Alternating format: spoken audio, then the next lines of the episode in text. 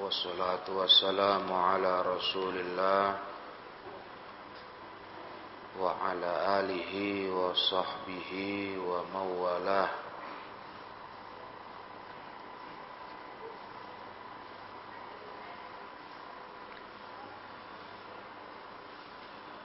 Sudah selesai kita membaca poin tentang telaga Nabi sallallahu alaihi wasallam.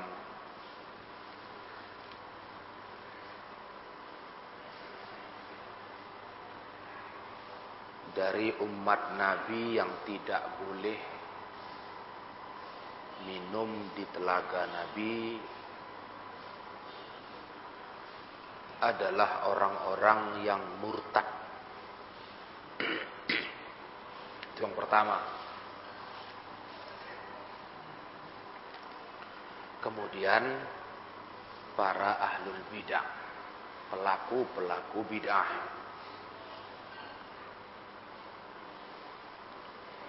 Nah,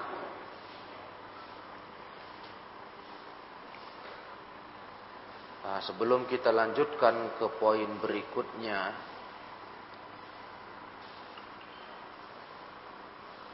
kalau diurut diurut.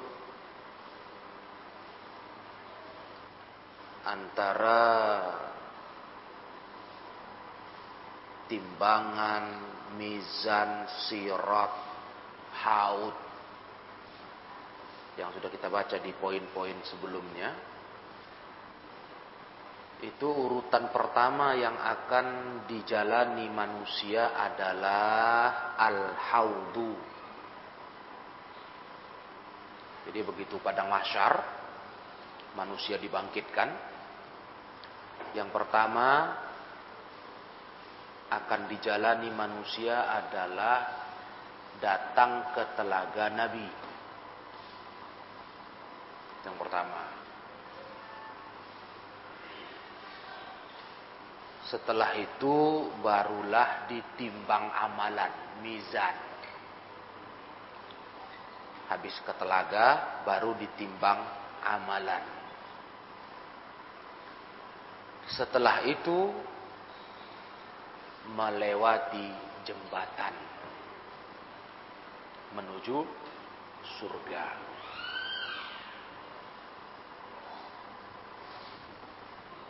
Ya, itu dia urutannya. Karena ada juga pendapat ulama mengatakan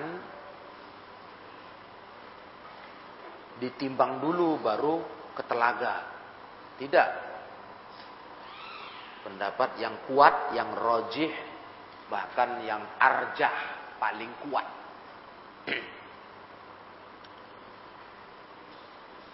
Proses di padang mahsyar setelah kita dibangkitkan yang pertama adalah telaga Nabi.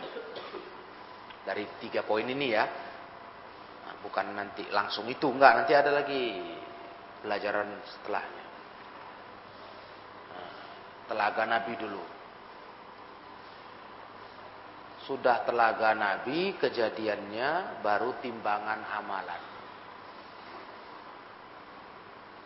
setelah itu baru jembatan. Dan di jembatan yang kita sudah singgung kemarin di ujungnya ada kintor ya. Tempat tem, tempat kisos pemeriksaan kezoliman. Kalau ada kalian zolimi orang di dunia bayar dulu di situ. Di ujung jembatan. Ada pos pemeriksaan akhir. Udah beres semua baru masuk surga dan tidak keluar lagi selamanya. Karena semua yang masuk surga tidak keluar selamanya. Kekal. Makanya harus bersih-bersih betul. Selesai betul urusan semua dengan manusia, masuk surga. Beda kalau masuk neraka. Masuk neraka kalau orang beriman ada tauhidnya, modal tauhid tidak kekal masih ada harapan keluar dari neraka. Betul? Kalau surga nggak ada keluar lagi. Udah masuk kekal selamanya. Itu bedanya. Kalau neraka, kalau masih Islam namanya, orang Islam, masih ada modal tauhid, nanti akan ada waktunya dia dikeluarkan setelah disiksa. Nah, itu catatannya, catatannya. Jadi urutannya telaga, timbangan, jembatan. Berikut ini adalah bab tentang wasyafa'atu haqqun. Syafaat adalah sesuatu yang benar. Hak, betul.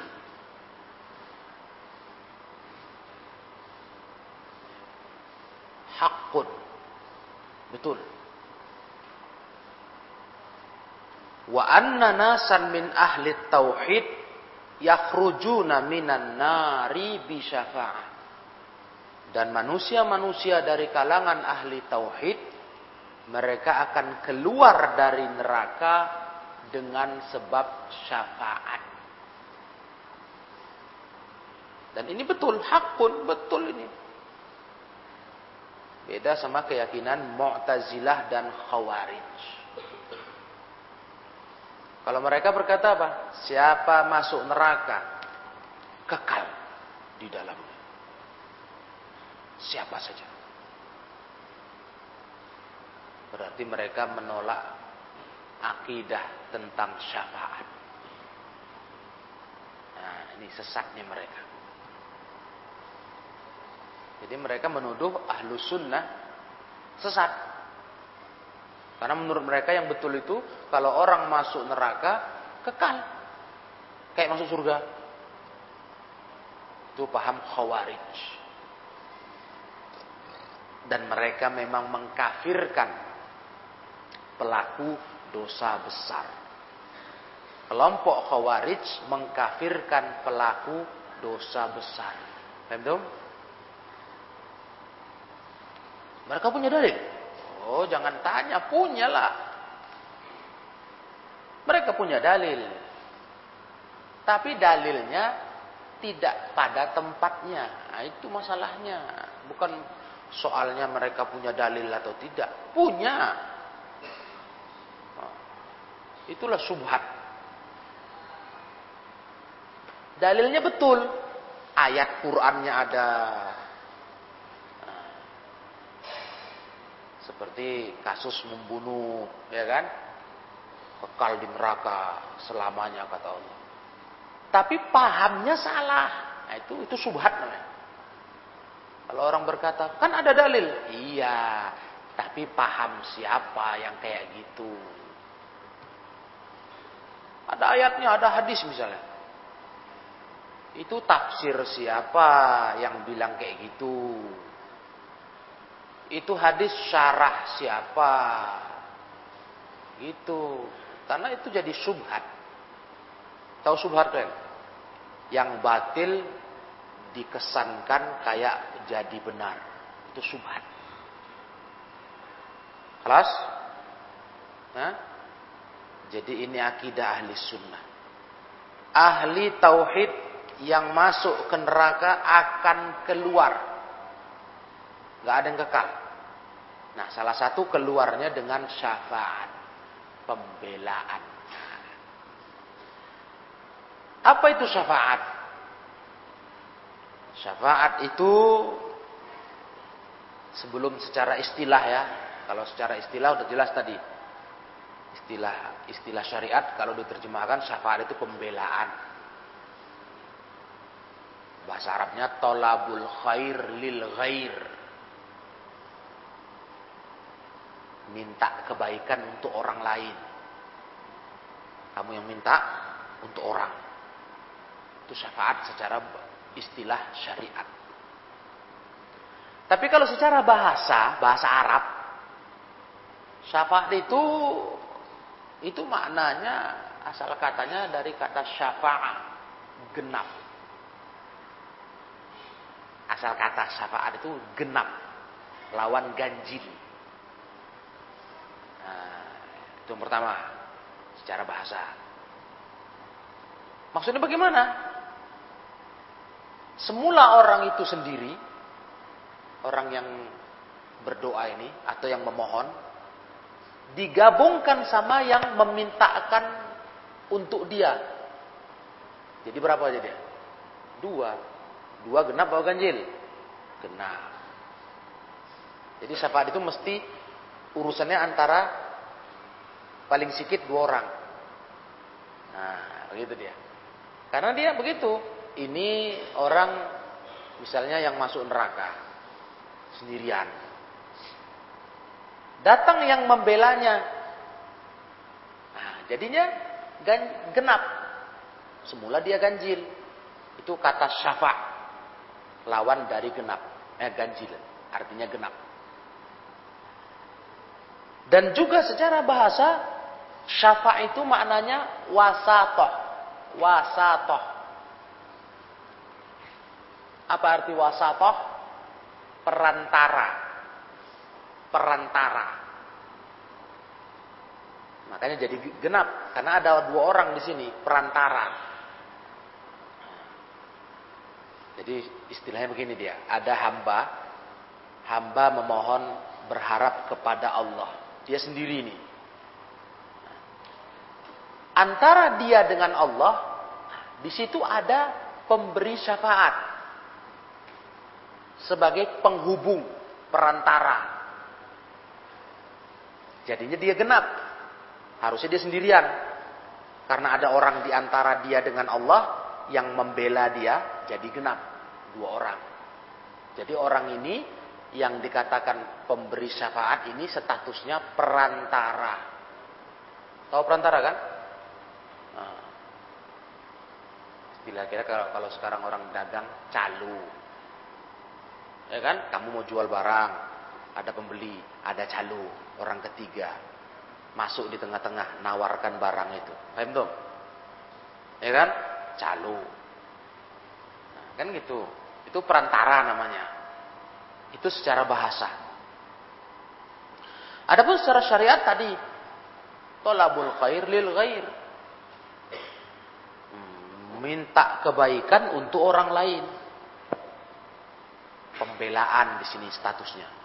Pembelaan. Maka kalau dibilang orang kita mengharap syafaat Nabi, maknanya mengharap pembelaan Nabi. Kan itu sekarang bahasanya. Ayo kita minta syafaat Nabi. Nah, minta pembelaan dari Nabi. Itu makna secara istilah syariat. Nah, syafaat ini benar. Nggak ada yang ingkar. Seluruh umat Islam percaya. Seluruh umat Islam ketika ahlus sunnah mengingkari minta syafaat ke kuburan wali. Tahu minta syafaat kuburan wali?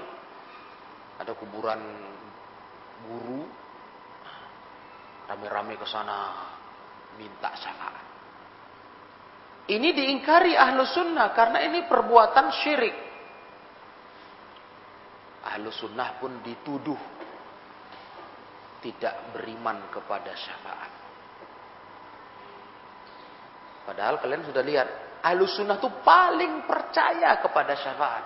Tapi syafaat yang bagaimana? Yang benar. Betul? Adapun minta ke kuburan orang mati itu bukan minta syafaat yang benar.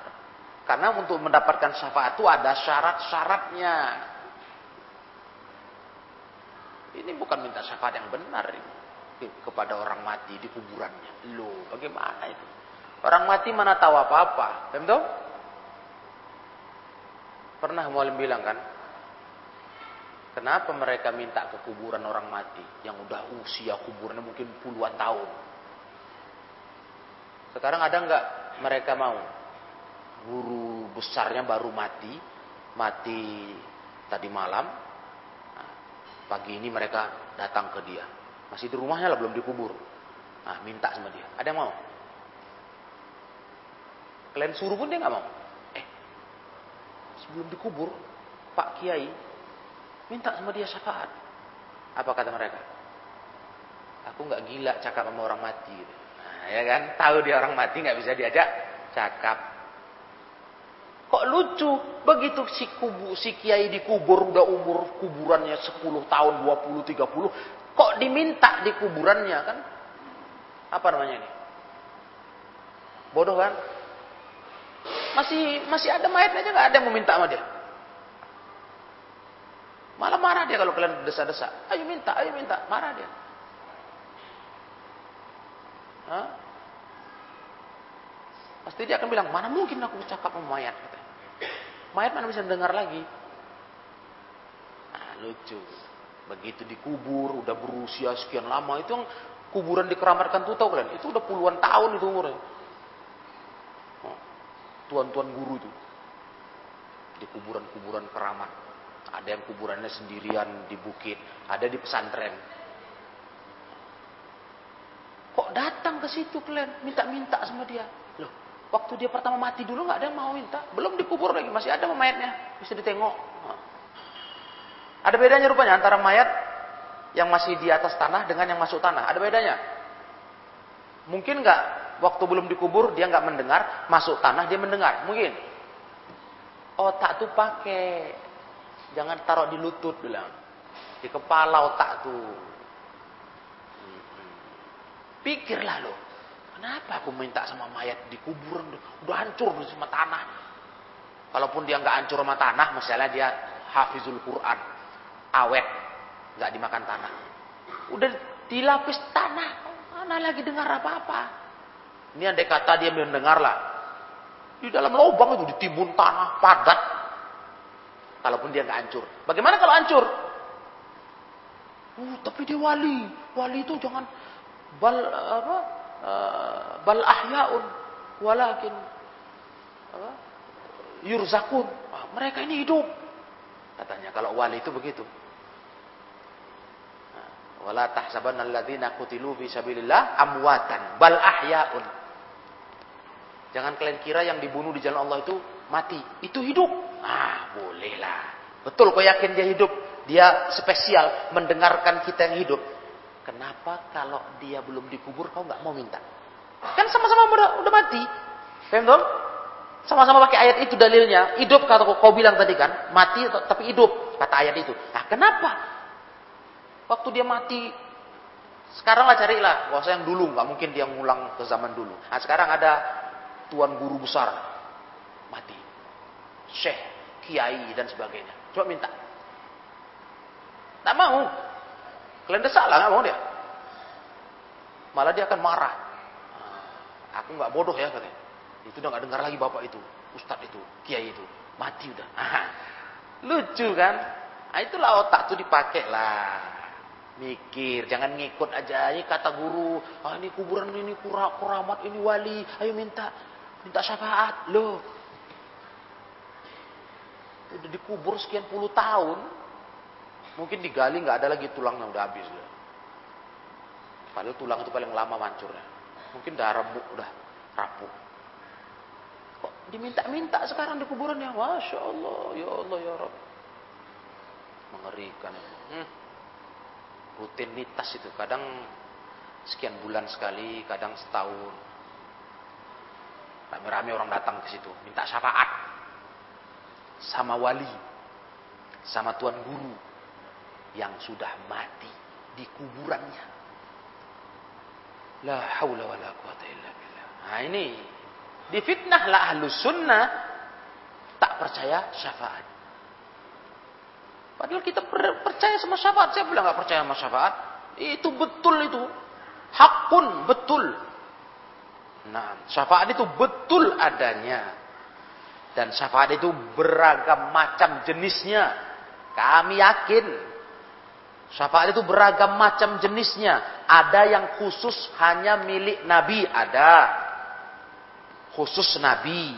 Ada pula yang selain Nabi juga bisa memberi syafaat. Ada khusus Nabi. Kalau yang khusus Nabi udah tahu kalian kan? Syafaatul uzma, syafaat yang paling besar. Itu kejadiannya di mana? Di padang mahsyar. Ini syafaat siapa pun nggak bisa ini memberikannya.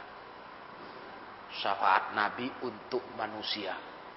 Berarti Nabi minta kepada Allah untuk manusia. Nah, ini siapa pun nggak bisa, walaupun nabi-nabi yang lain nggak bisa. Itu ceritanya panjang itu hadisnya. Hadis yang panjang yang dikeluarkan Imam Bukhari dalam kitab Tauhidnya. Uh, panjang itu.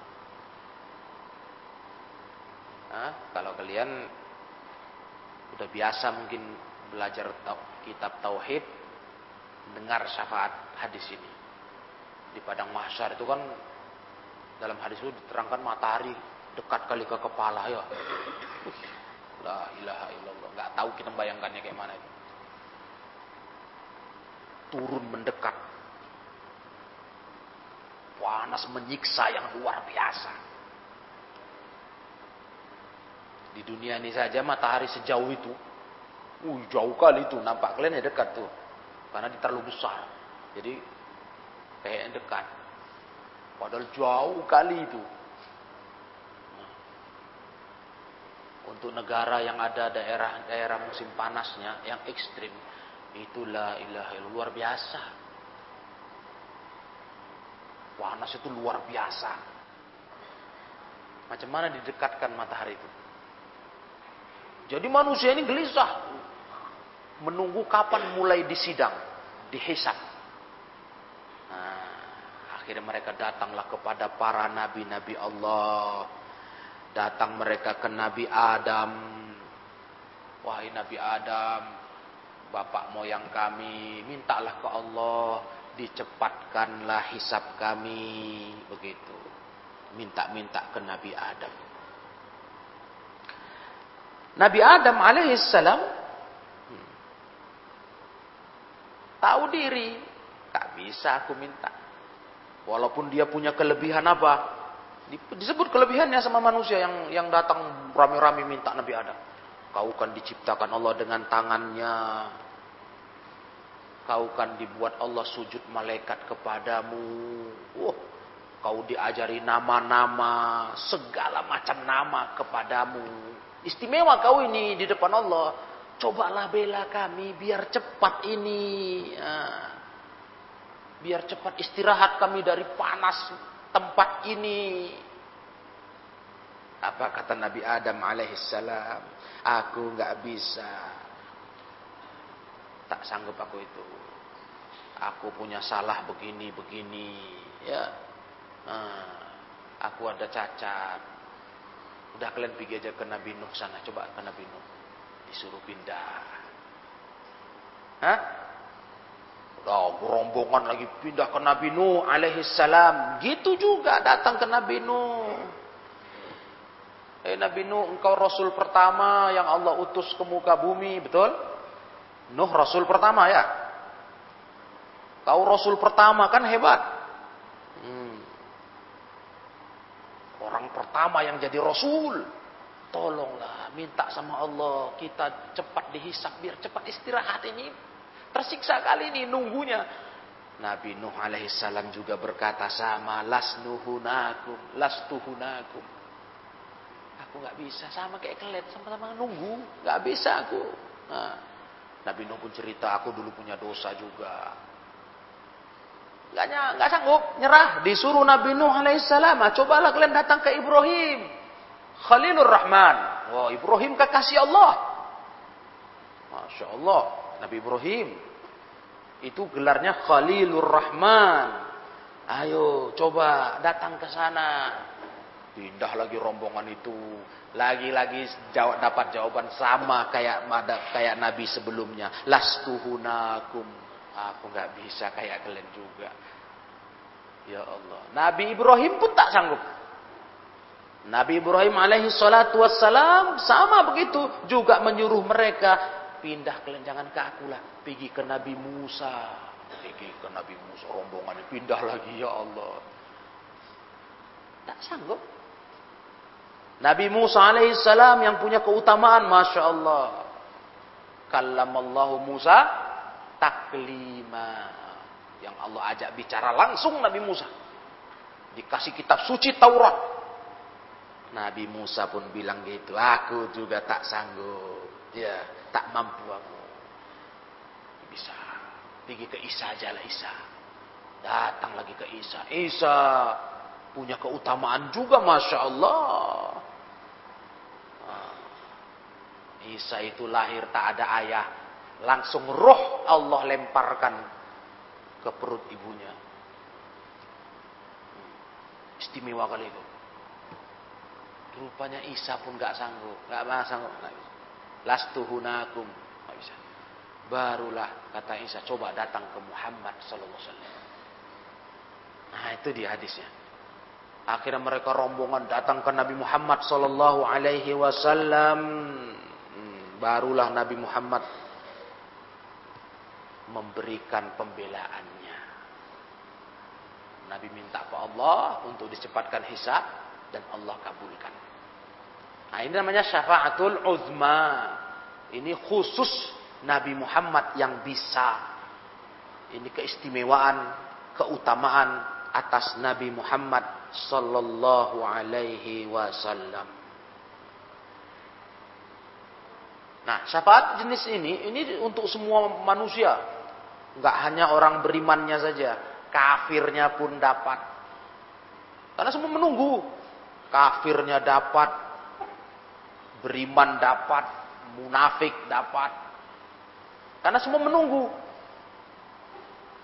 Kapan mulai perhitungan? Nah, kan gitu. Butuh kali orang disegerakan karena menyiksa. Menyiksa kali panasnya padang mahsyar itu dengan matahari yang mendekat. Hah, sudah? Itu tadi hadis hadis siapa? Riwayat Bukhari. Rawahul Bukhari. nah, kemudian Nabi Shallallahu Alaihi Wasallam tidak pula bisa memberi syafaat yang besar ini kecuali karena Allah izinkan. Bukan pula Nabi kemudian punya hak bebas. Nah, yang apa istilahnya apa? Uh,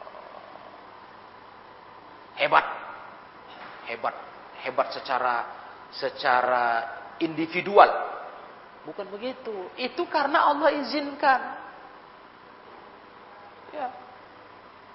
Nabi-nabi lain tahu tahu diri, mereka nggak akan diizinkan Allah. Ah, Rasulullah diizinkan, maka Rasulullah pun memberikan syafaat. Hmm. Kelas?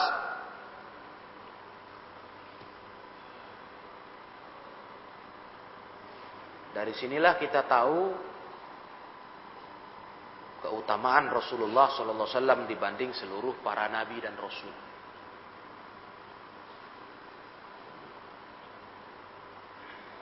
Nampak betul keutamaan itu di hari kiamat.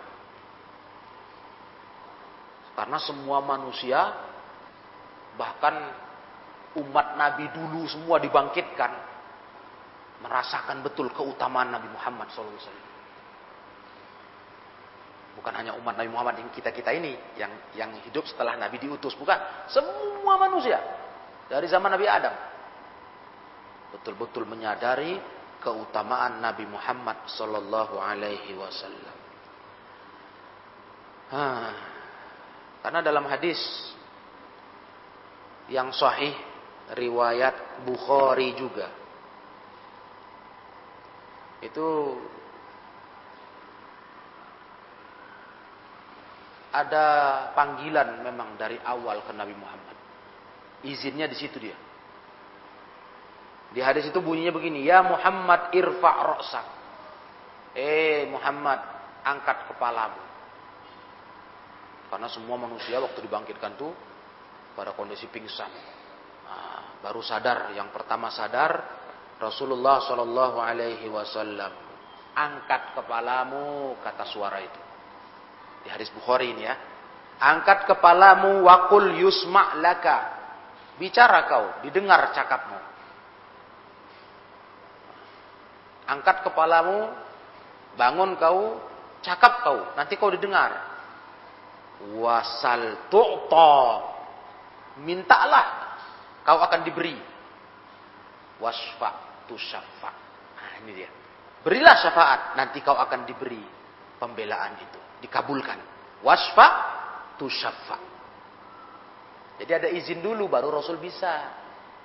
Memang udah awal bang, bangkit sadar setelah dibangkitkan dari kuburan. Nah, itu Rasul udah dengar suara itu. kau berilah syafaat. Nanti kau dikabulkan permintaanmu itu. makanya Rasul waktu manusia datang ke beliau, beliau minta. Karena udah ada izin. Ini kan pahami kalian ya? Jadi bukan berarti sosok Nabi yang istilahnya hebat hebat sendiri, nggak gitu. Yang Allah kemudian mau nggak mau harus nurut kepada permintaan Nabi nggak gitu.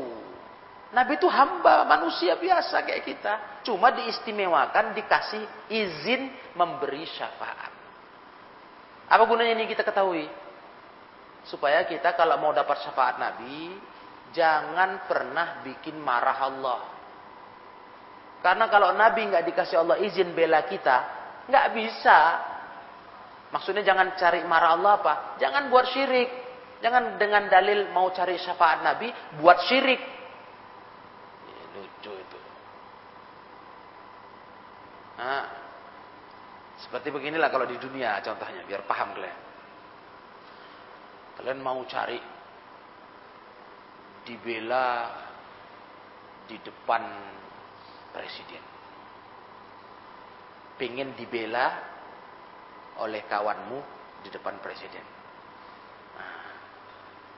Ngerti? Kamu datang ke temanmu. Temanmu ini dekat sama presiden. Tolonglah aku. Bantu aku. Mintakan sama Pak Presiden. Supaya aku begini, begini, begini. Tapi di sisi lain. Kau maki-maki presiden. Gimana coba? Hah? Satu sisi kau minta dibela ke presiden dengan temanmu ini. Tapi di sisi, di sisi lain kau jelekkan presiden, kau maki. Ini presiden goblok ini. Bodoh. Cuman coba? Presiden tahu. Gerem kan dia, misalnya. Kurang ajar satu ini. Begitu dia gerem, datanglah kawanmu tadi. Pak Presiden, ada kawan aku si fulan, ah, dia minta tolong. Ah, kira-kira presiden mau nggak? Hah? Begitu dengar namamu disebut, merah muka mungkin. Udah pala dia dengan caci makimu itu. Hah? Siapa kau bilang kata? Si Anu. Mati lah dia itu kata. Kurang ajar itu kata. Mana dibelanya? Ngerti? Mana dikabulkannya permintaan temanmu itu? Nah itu makanya syafaat Nabi, kalau kalian mau syafaat Nabi, jangan bikin Allah marah dengan syirik. Ini malah bikin Allah marah mau syafaat Nabi. Malah datang ke kuburan Nabi. Ya Rasulullah. Ah, yang mana Allah marah itu. Kenapa? Karena itu meminta kepada selain Allah. Sebab Nabi udah wafat. Kok Nabi masih hidup bisa? Bisa kan? Ah. Nabi udah wafat. nggak bisa lagi. Udah putus hubungan sama kita. Kalau masih hidup Nabi bisa. Kayak di padang mahsyar. Nabi ada. Nah kau manusia datang ke Nabi Ya Rasulullah syafaat bela kami. Ya bisa. Paham sampai di sini? Paham? Nah, itu dia. Dan dalilnya apa? Surah Al-Anbiya ayat 28 kan, wala yashfa'una illa liman. Allah tak akan dan mereka para pemberi syafaat tidak akan memberi syafaat kecuali siapa yang Allah ridhoi, Allah izinkan.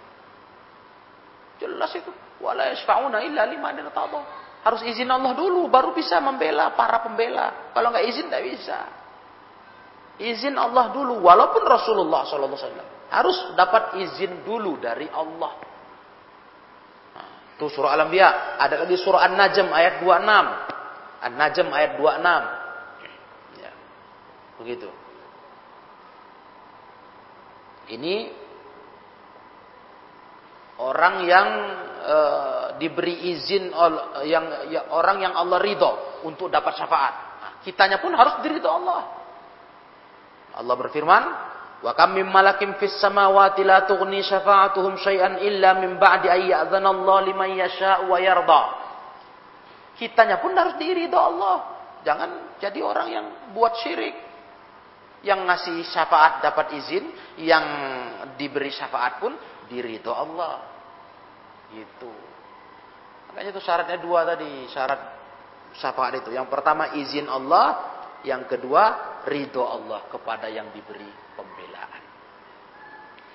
Kalau yang izin Allah untuk memberi syafaat, dalilnya surah Al-Baqarah itu. Ayat kursi. Ya kan? Surah Al-Baqarah ayat kursi. Man dzalladzi yashfa'u 'indahu illa bi'idznih. Ayat kursi. Siapa yang bisa memberi syafaat kalau nggak Allah izinkan? Siapa? Nggak ada. Nabi pun nggak bisa. Harus izin Allah. Nah, kemudian yang diberi syafaat, kitanya yang minta syafaat, itu harus diridho Allah. Itu dalilnya yang tadi kita baca. Nah, jadi begitu.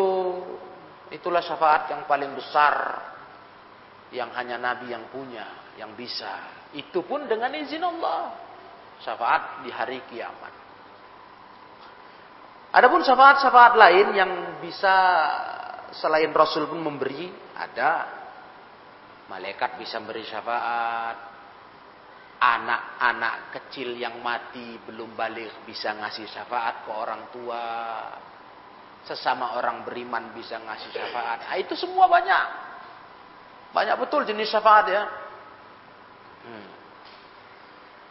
Bahkan ada syafaat untuk ahli surga biar masuk surga cepat ada. Untuk diizinkan cepat masuk surga. Hmm. Ada syafaat ahli neraka keluar dari neraka ada. Diringankan siksanya ada. Banyak jenisnya. Dan ahli sunnah percaya semua itu karena dalil-dalilnya jelas, dalil-dalilnya sahih. Adapun tadi Al-Khawaris Mu'tazilah tak percaya itu. Tak yakin mereka. Mereka berpandangan siapa yang masuk neraka dia tidak akan pernah keluar selamanya. Karena bagi mereka pelaku dosa besar kafir.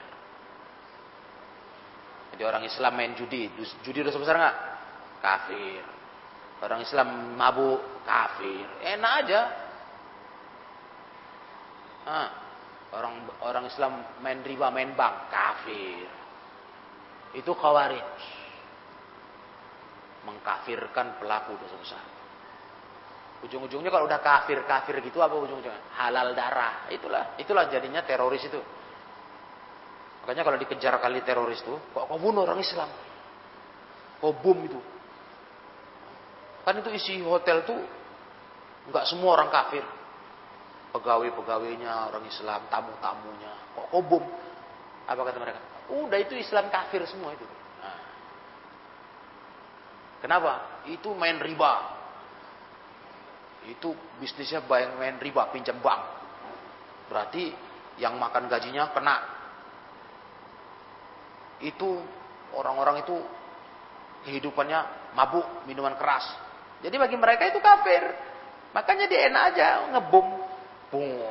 Nggak ada dosa. Orang bunuh orang kafir katanya. Walaupun yang mati orang Islam ya kan. Karena mereka mengkafirkan pelaku dosa besar. Nah itulah jadi teroris. Bagi mereka pelaku-pelaku dosa besar yang kafir itu mati. Masuk neraka kekal. nggak bisa keluar lagi. La ilaha illallah. Padahal Nabi Shallallahu Alaihi Wasallam menerangkan dalam hadis yang sahih bahwasanya ada syafaat untuk pelaku-pelaku dosa itu yang masuk neraka untuk keluar dari neraka. Ada syafaat itu macam-macam jenisnya. Lagi-lagi kalau ditanya, kan mereka punya dalil.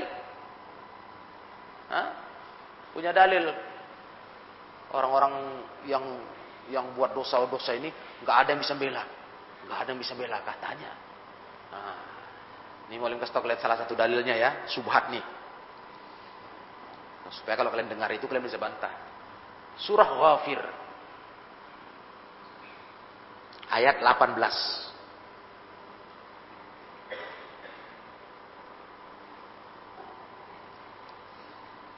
Ghafir ayat 18. Begini bunyinya. Ma lidzalimina min hamimin wala syafi'i yuta'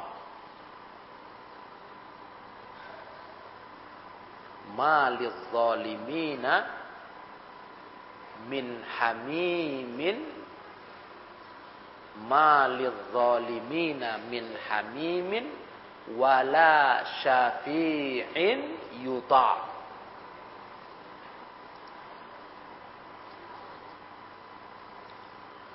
Artinya apa? Supaya kalian sadar kalau cerita dalil ya semua bid'ah pun pakai dalil. Semua bahkan pendapat yang ngawur pun pakai dalil ayat nih. Apa artinya? Tidak ada bagi orang zolim, malid zolimin, itu nggak ada hamim, teman dekat, tidak pula syafi, pembela. Terus mereka tanya sama kita, ah, itu orang yang buat dosa zolim nggak? Jawab dulu. Pelaku dosa zolim nggak? Pemabuk, pezina, peminum homer, pejudi, makan riba, zolim nggak? Zolim. Itu kata ayat, tak ada pembela. Pakai dalil. Apa bantahannya? Jangan ayat ini kau baca tok gitu saja. Kalimat zolim di sini maksudnya apa? Kau buka tafsirnya. Nah, iya. Kau buka tafsirnya apa makna zolim di situ? Bukan zolim dalam arti buat dosa biasa. Zolim di situ maknanya perbuatan sudah sampai tingkat kekafiran. Jadi maksudnya zolim itu yang dikatakan ayat surat Ghafir tidak ada bagi orang zolim, bagi orang kafir. Paham semua? Nah, itu. Jadi kalau cerita dalil mereka pakai dalil. Khawarij itu. Makanya hati-hati.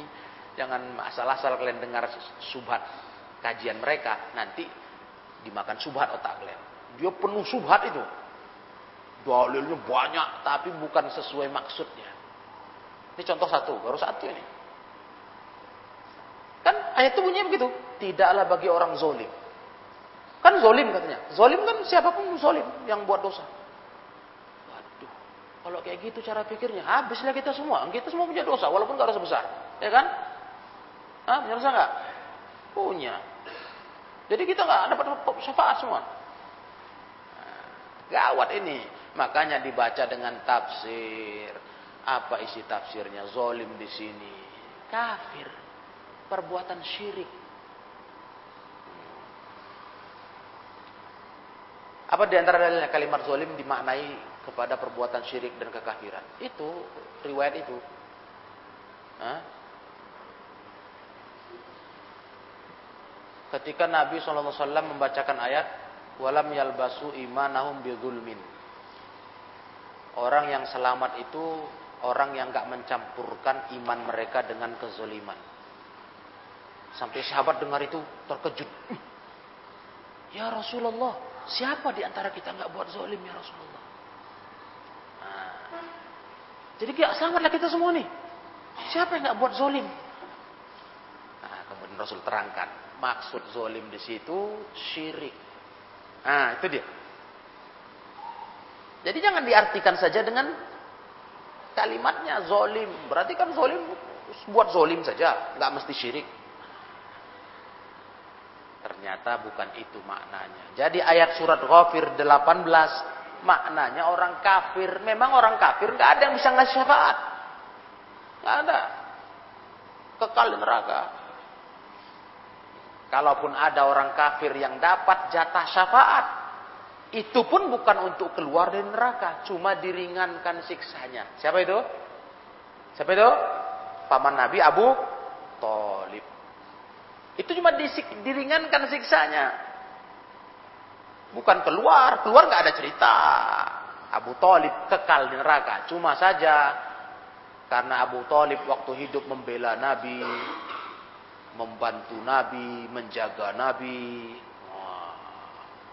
Sahabat tanya, "Ya Rasulullah, nggak dapat apa-apa Abu Talib itu, pamanmu itu. Dia kan bela kamu, marah pun dia karena kamu, artinya membela kamu sampai marah kepada orang musyrikin." Kata Rasul, "Ada dapat jatah dia. Jatahnya apa? Aku bela supaya dia jangan masuk neraka jahanam, neraka yang paling bawah, paling panas, paling mengerikan. Dia berada di fi dahdahi. Dahdah itu yang paling atas. Jadi kalau bertingkat-tingkat, nah, yang paling bawah itu paling kerak-keraknya, ya kan? Paling jahanam itu paling ngeri. Dia paling atas. Diringankan, diangkat ke neraka paling atas. Tapi dia merasa dialah paling sakit siksanya. Padahal dia paling ringan.